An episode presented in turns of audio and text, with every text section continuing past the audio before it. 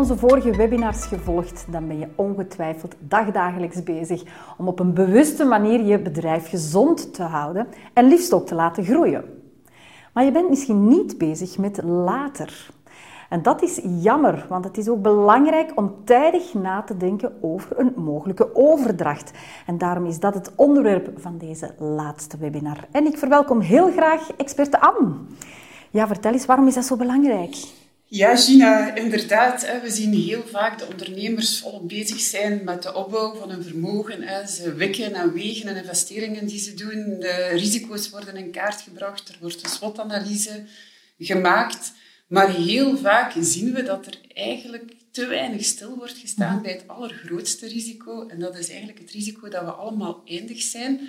En dat ooit dat zorgvuldig opgebouwde bedrijf, waar dat hard voor gewerkt is mhm. en voor geplutterd is, dat dat ooit moet overgedragen worden naar de volgende generatie of naar een externe koper. Mhm.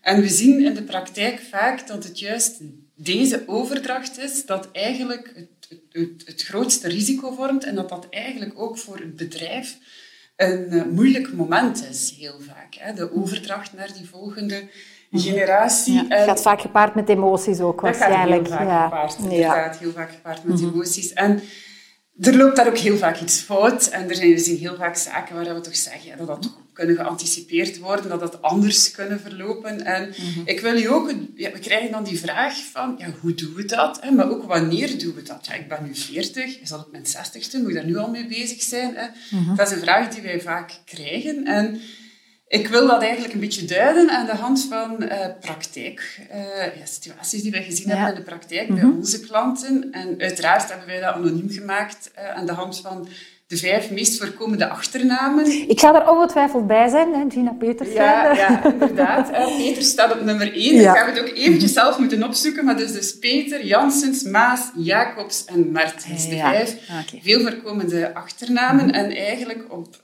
aan basis van die vijf verhalen... Mhm wil ik graag toch eens het belang aantonen van tijdig anticiperen en het zien van opportuniteiten mhm. die er, er, er daarvoor zeker zijn. Ja, het kan het belang alleen nog maar aanwakkeren bij onze kijkers vandaag.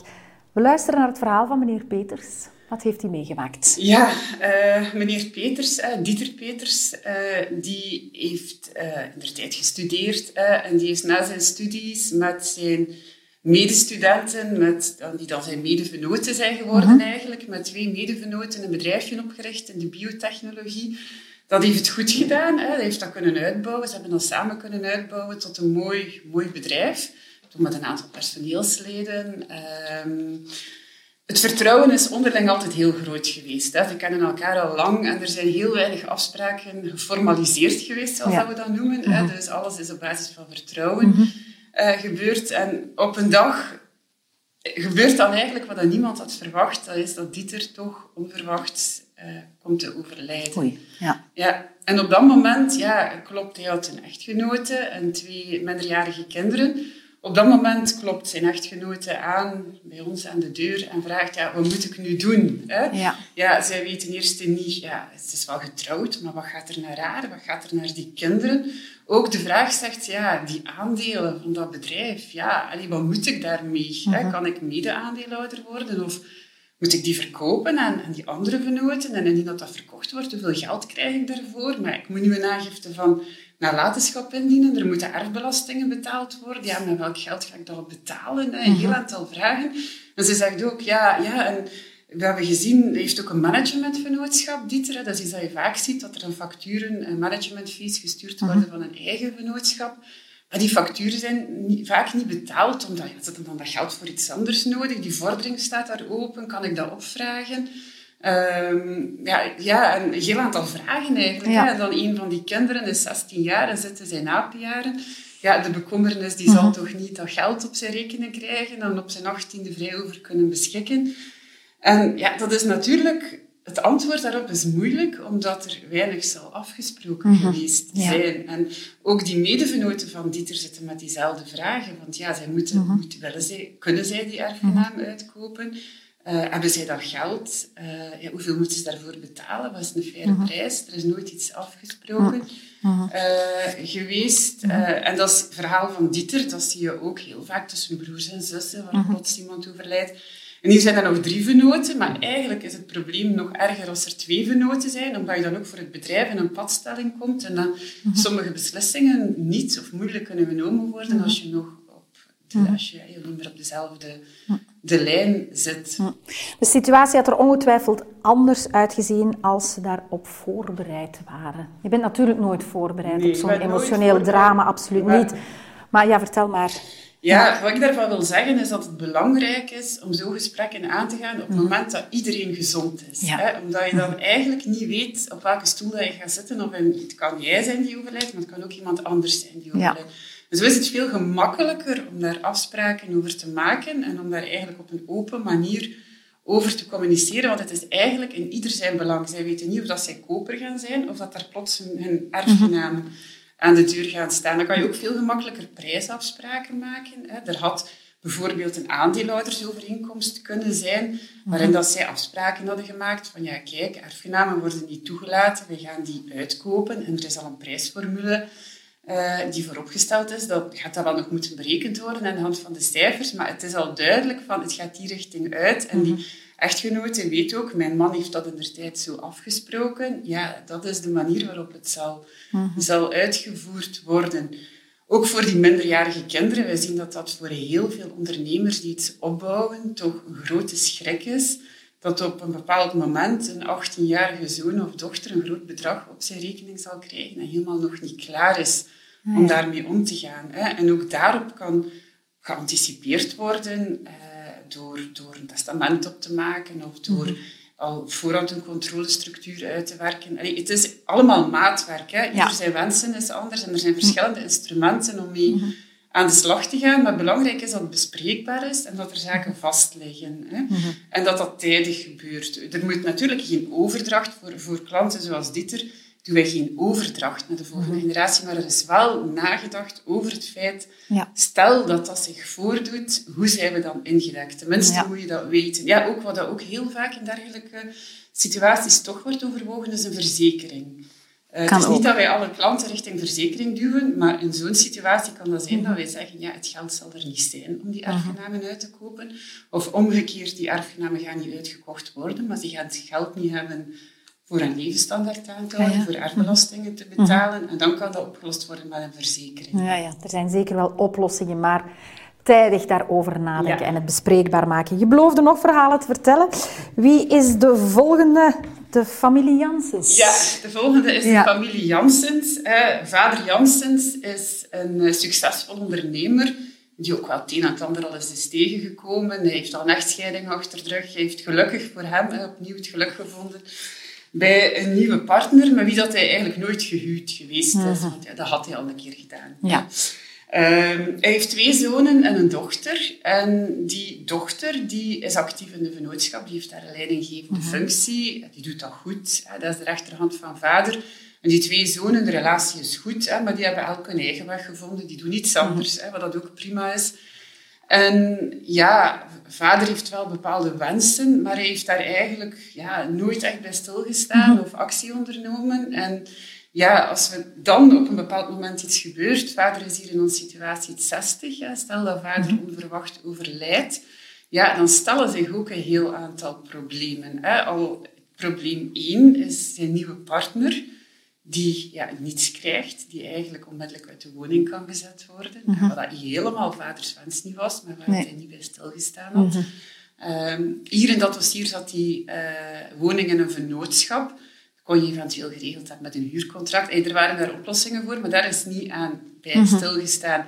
Ja, en dan heel die situatie van die dochter, die eigenlijk al jaren in het bedrijf werkt, die zoals dat zo vaak gaat, het is toch allemaal voor de familie eigenlijk te weinig vergoed is geweest. Dus ah, eigenlijk jaren dag en nacht gewerkt heeft voor een te, te, te weinig, te mhm. kleine vergoeding.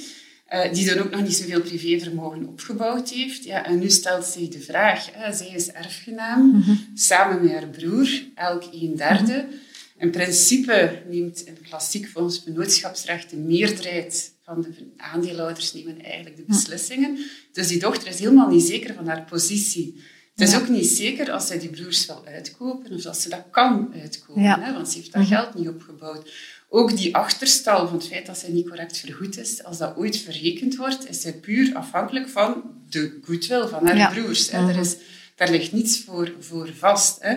En uh, ja, dat brengt eigenlijk die continuïteit van dat bedrijf toch eigenlijk wel in gevaar. Hè? Dat we daar plots met meerdere kapiteinen op een mhm. schip zitten en dat er voor die dochter geen duidelijk plan is hoe dat ze dat nu kan uh, overdragen. En we begrijpen ook hier in dat verhaal dat voor veel ondernemers het ook niet aan de orde is of op een 55 of 60 al het bedrijf over te dragen. Maar ze kunnen tenminste al denken, stel dat ze zich dat ooit voor zouden doen, mhm. ehm, hoe gaat mijn dochter dat dan kunnen? Is het wenselijk dat zij dat uitkoopt? Want soms is het ook de bedoeling dat zij met drie aandeelhouders blijven. Maar dan kan die dochter misschien via een regeling in de vennootschap meer stemrechten krijgen. hè? Mhm. Dat zij toch de beslissingsrechten heeft, ook al wordt het eigendom gelijk verdeeld. Of het had een optie kunnen zijn dat vader zegt, ja, een keer dat ik 65 ben of 70, kan je bedrijf overkopen. Er wordt dan een prijs uitgesproken. De dochter factureert met een managementvernootschap, bouwt iets op, waarmee ja. ze dan ook al mhm. die overdracht kan doen. Als er onverwacht dan toch iets met vader gebeurt, had er een optieovereenkomst kunnen zijn. Mhm. Ehm, uiteraard, ja, zijn partner had beschermd kunnen worden. Daar zijn veel mogelijkheden voor, een testament of, of via dat huurcontract dat ik daarnet al aangehaald heb. Je ziet, er, kunnen zoveel problemen voorkomen, worden, voorkomen worden als het helder en duidelijk besproken, is. Ja. Dus eigenlijk komt het daar ook weer opnieuw op aan in deze situatie. Het moet besproken geweest zijn, maar er moet ook naar gehandeld geweest ja, ja, ja, zijn. Tuurlijk, het is wel belangrijk dat ook mhm. die juridische documenten... Het is niet alleen belangrijk om de wil van vader te kennen, maar het is ook wel heel belangrijk dat, dat iedereen dan ook in een comfortabele positie rond zit. En niet alleen dat die vrouw niet alleen afhankelijk is van in dat huis te wonen, eigenlijk door de goedwil van die kinderen, maar dat zij ook een juridisch recht ja, ja, ja. heeft. Ja. Mm ja. Dat is zeker ook wel heel mhm. belangrijk. Ja. Uh, van dat, mm en dat zien wij toch in de praktijk. Ja, ik hoop hè, dat uh, bedrijfsleiders van familiebedrijven hebben geluisterd. Maar er zijn nog voorbeelden, hè? er zijn nog situaties waar er anders had kunnen gehandeld worden. Hè? Ja, het uh, derde voorbeeldje dat ik wil aanhalen is eigenlijk het verhaal van de familie Maas. Hè. Die zijn jarenlang actief geweest in de bouw. En die hebben, zoals ze het zeggen, goed geboerd. Hè. Mhm. En die onder, dat is een mooie bouwonderneming geworden. Mhm. En ja, het, zoals dat elke bouwonderneming, hè, investeerde vader ook wel graag een beetje in vastgoed. Hè. En er was een bedrijfsgebouw, maar ja, er was ook wel nog een paar appartementen om te verhuren. Er was eh, een appartement aan zee aangekocht met die vennootschap, waar de vader graag naartoe ging. En ze hadden zelfs onlangs nog een overname, een nieuwe activiteit ontwikkeld eigenlijk, in de stabiliteitssector, een beetje een andere mhm. sector. En ze hebben dat ook maar in die vennootschap gedaan, ze hadden die toch. Dus alles zit daar eigenlijk mooi samen in die vennootschap. Uh, en ja, vader Maas heeft twee zonen in ons uh, geval. En één, één zoon die uh, is ook actief in het bedrijf. En de andere zoon is in de kunstensector. Mhm. Die familiale relaties zijn goed. Ik ga je niet te veel voorbeelden nee, nee. Ja, ja, ja, nee. goed ja. overeen. maar die heeft totaal geen interesse in dat bedrijf. Ja, en op een dag, we gaan ze niet allemaal laten uh, overlijden, onze klanten, mm. komt, komt vader Maas bij ons en zegt, ja, ik zou eigenlijk, ik voel me op de leeftijd om mijn bedrijf over te dragen. Ja. Maar ja, hè, dan stellen wij vast dat alles in die ene vennootschap zit en dat vader eigenlijk bijna geen privévermogen heeft opgebouwd. Hè. Een vader zou ook nog wel graag ergens van leven. hè. Mhm. Zijn pensioen is niet voldoende. Hij wil wel dat die activiteit, dat dat eigenlijk bij zijn ene zoon terechtkomt, maar hij wil zijn andere zoon niet benadelen, dus die zou eigenlijk ook iets moeten krijgen. Maar ja, die, mhm. hij heeft niets anders om te geven. En dan stelt zich het probleem dat als je alles wat in die vennootschap is gebracht er ook weer uit wilt krijgen, dat dat een heel dure zaak is. Je kan niet zomaar terug dat vastgoed eruit halen, mhm. want dan heb je, uh, ja, heb je registratierechten, heb je mhm. vennootschapbelastingen. Uh, ook als, als bijvoorbeeld die stabilisatieactiviteit wordt verkocht, die opbrengst komt ook in die vennootschap. Heeft die opbrengst niet privé, had die dan met een nieuwe vennootschap kunnen doen. Er is eigenlijk door heel dat verhaal nooit nagedacht geweest van hoe kunnen wij nu ook privé ons potje opbouwen. Alles is altijd voor de vennootschap geweest. En dan komen ze wel bij ons voor dat te begeleiden, maar dan is dat vaak een beetje een bittere pil. Hè? Want wij moeten dan ook roeien met riemen die we mhm. Hebben en daar zijn geen wonderoplossingen voor. En dan denken wij, ja, had je op bepaalde stappen vroeger geanticipeerd, dan had dat patrimonium, had dat, uh, zeker die privéappartementen, nooit in die vennootschap moeten zitten. Dan had je misschien al liquidatiereserves kunnen aanleggen. Er zijn ook regelingen geweest een aantal jaar geleden waar dat je eigenlijk fiscaal mhm. vriendelijk geld uit de vennootschap kon halen. Ik dat had kunnen op geanticipeerd geweest zijn. En dan had vader een, een lichte vennootschap en had hij ook nog een, een mhm. privé uh, spaarpotje, een privé patrimonium. En dan kon hij veel gemakkelijker eigenlijk die overdracht regelen. En nu gaat dat sowieso, gaan er bepaalde kosten mee gepaard gaan die eigenlijk niet meer dus kunnen... Uh... Uit dit verhaal leren we dat het belangrijk is om tijdig te denken aan die exit-strategie natuurlijk. Op het moment van de opbouw, hè. ook zakelijke rechten, wat iedereen kent, vruchtgebruik, op stel, daar had al kunnen over mhm. nagedacht worden met het oog op, ooit krijg ik die leeftijd, dan doe ik dat recht uit, dan zit dat weer bij mij. Voilà. Dat zijn allemaal zaken. Ja, maar dat ze al die mogelijkheden hebben laten liggen natuurlijk. Maar het kan andere mensen misschien wel uh, inspireren en uh, dat ze wel de nodige stappen ondernemen. Had je nog een voorbeeld dat interessant is? Ja, we hebben het hier altijd gehad over de vaders. Ja, waar zitten de moeders of de vrouwen in jouw voorbeelden? ja, uh, dit, voorbeeldje, dit voorbeeldje van de familie Jacobs is het eigenlijk de moeder die het bedrijf heeft opgebouwd en grootgekregen. En dat was een bedrijfje in, uh, ja, in superfoods, hè, in uh, import. En, en mhm. eh, dat, dat bedrijf heeft het ook goed gedaan. En ook hier is wat patrimonium opgebouwd. Ze is niet in dezelfde val gestapt als de familie Maas. Ze ah, heeft dat patrimonium dus wel in een afzonderlijke vennootschap opgebouwd. Het bedrijfsgebouw zit in een vennootschap. En daar zitten ook nog wat appartementen en die ze verhuurt en ook mhm. privé vastgoed. Laten we nu zeggen dat hier de Ardennen is. Hè. Ja. En uh, dus ze heeft dat uh, opgebouwd en uh, ja, op een bepaald moment komt zij ook te overlijden zonder dat er verder naar die successieregeling gekeken is. En de vorige voorbeeldjes waren allemaal voorbeelden van, we noemen dat burgerrechtelijk, hè, problematiek rond de verdeling. Hè. Mhm. Hier komt je eigenlijk met een problematiek die fiscaal is. Doordat zij eigenlijk in die vastgoedvennootschap waar het bedrijfsgebouw in zit, ook privé vastgoed heeft ondergebracht, kan die vennootschap niet vererfd worden en het gunstregime van familiale vennootschappen. En dat gunstregime is een regime waar dat zegt dat je eigenlijk in zo'n situatie maar 3% erfbelastingen moet betalen. Waar dat anders al heel snel oploopt tot 27% vanaf een erfdeel van 250.000 euro. Mhm. Maar zo'n vastgoedvennootschap, zoals dat hier het geval is, doordat dat eigenlijk geen echte activiteit is en dat daar ook privé vastgoed in zit, voldoet dat niet aan die voorwaarden. En gaat heel die waarde van eigenlijk die vennootschap vererfd worden aan de volle mhm. tarieven. En bovendien, ja, dat geld zit in die stenen, die cash mhm. is er niet. Het moet allemaal vrij snel betaald worden.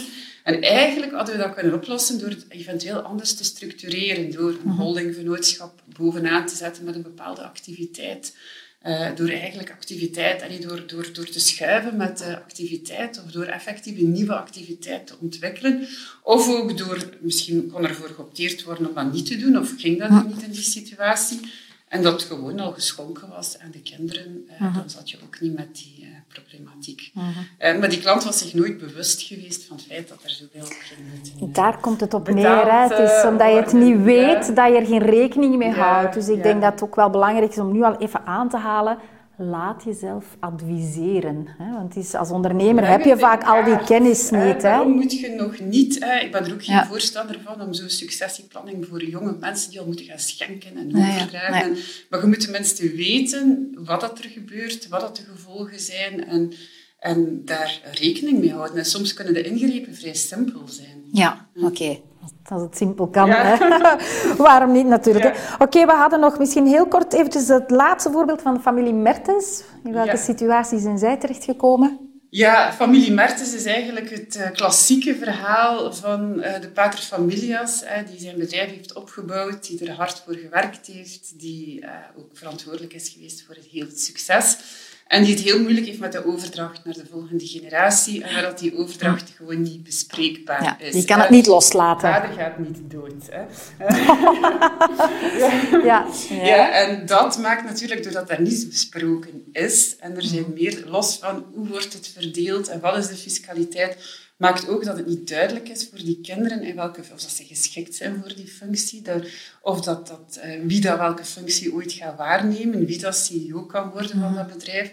Ja, wat natuurlijk naar een risico voor een bedrijf, als je met zo'n onzekerheid zit over wie dat de kapitein aan het schip gaat worden. En mhm. natuurlijk, als, wat je dan vaak ziet, doordat het niet besproken is geweest, heeft iedereen zijn eigen verwachtingen, zijn eigen verlangens, maar heel belangrijk zijn eigen frustraties, die ook jaren goed hebben kunnen, een goede voedingsbodem hebben gekregen en die dan op een moment dat zich plots iets stelt dat vader het niet meer kan doen, mhm. eigenlijk ontploffen. Hè. Ja, dat is jammer, want dan komen er weer familieruzies van. Daar komen ruzies van en dat is een risico eigenlijk voor mhm. de goede, goede verderzetting mhm. van het uh, bedrijf. Ja. Vijf inspirerende verhalen die duidelijk maken dat voordat je het weet, is natuurlijk later nu. Hoe, hoe voel jij je erbij dat, dat ze altijd bij jou komen op het moment dat eigenlijk ja, het kwaad geschied is? Maar dat moet ik een beetje nuanceren, Gina. Ah, Gelukkig is dat niet altijd zo. Ik heb u een aantal voorbeelden gegeven waar uh fout is gelopen, maar in de praktijk begeleiden wij heel veel van onze klanten al veel vroeger. Ah, dat is de, dat is de bedoeling wel natuurlijk. Ja. wij op die mhm. risico's en ook maken wij hen duidelijk, een, een, planning is niet iets dat je één keer maakt en dat je dan eigenlijk voor altijd in de schuif legt om nooit meer naar te kijken. Dat is iets dat je eigenlijk op regelmatige tijdstippen, ja, relaties evolueren, mhm. uh, wensen evolueren, wetgeving evolueert. Uh, iets dat je op regelmatige basis toch eens opnieuw uh, bekijkt hè, en mhm. nog eens opnieuw in kaart brengt. Want wij zien heel vaak wel dat uh, ja, ondernemers zijn heel hard bezig met een bedrijf en door een boekhouder wordt dat allemaal mooi in kaart gebracht met een balans. Maar ze zijn niet altijd allemaal bezig met dan die balans, zoals dat we dat ook noemen, van een privévermogen. En met daar rond alles in kaart te brengen. En ja, dat is eigenlijk wel wat wij dan wel willen aanbieden, om daar eigenlijk ook eens bij stil te staan, maar niet eens, maar eigenlijk als een traject, hè, dat wij daarin eigenlijk in, in begeleiden. En dat wij kunnen maken, ook met alle aandacht. Uiteraard moet juridisch alles picobello in orde zijn. Moet er naar waarderingen, moet dat allemaal correct gebeuren. Maar ook met belangrijke voor iedereen zijn wensen, iedereen zijn, uh, ja, zijn, zijn gevoeligheden een beetje. En elke overdracht en elk, elk, elk dossier ook is eigenlijk ook weer helemaal anders. Hè? Want mhm. er zijn geen twee families dezelfde en geen twee wensen zijn mhm. dezelfde. En voor ons is het wel belangrijk dat we eigenlijk als architect kunnen daar staan bij dat begin van dat vermogen en heel dat traject begeleiden. En niet zoals in ons voorbeeldje van de familie Maas, hè, mhm. daar dan eigenlijk met een situatie komen waar dat wij dan de afbraak werken en de renovatie kosten moeten dragen. En dat is eigenlijk nooit een mooi verhaal. Hè. Dat is altijd... Ja. Ja, wel, ik wens je toe dat je vaker architect mag zijn en dat je een beetje weg kan blijven van de afbraakwerken. Heel erg bedankt voor al deze verhalen. en ja, neem het mee. Heb je een familiebedrijf, denk tijdig na, of een ander bedrijf, denk tijdig na over de overdracht van wat je hebt opgebouwd. Bedankt voor het kijken naar deze webinarreeks. Ik hoop dat wij je goed hebben geïnformeerd en hebben geïnspireerd. Bedankt voor het kijken.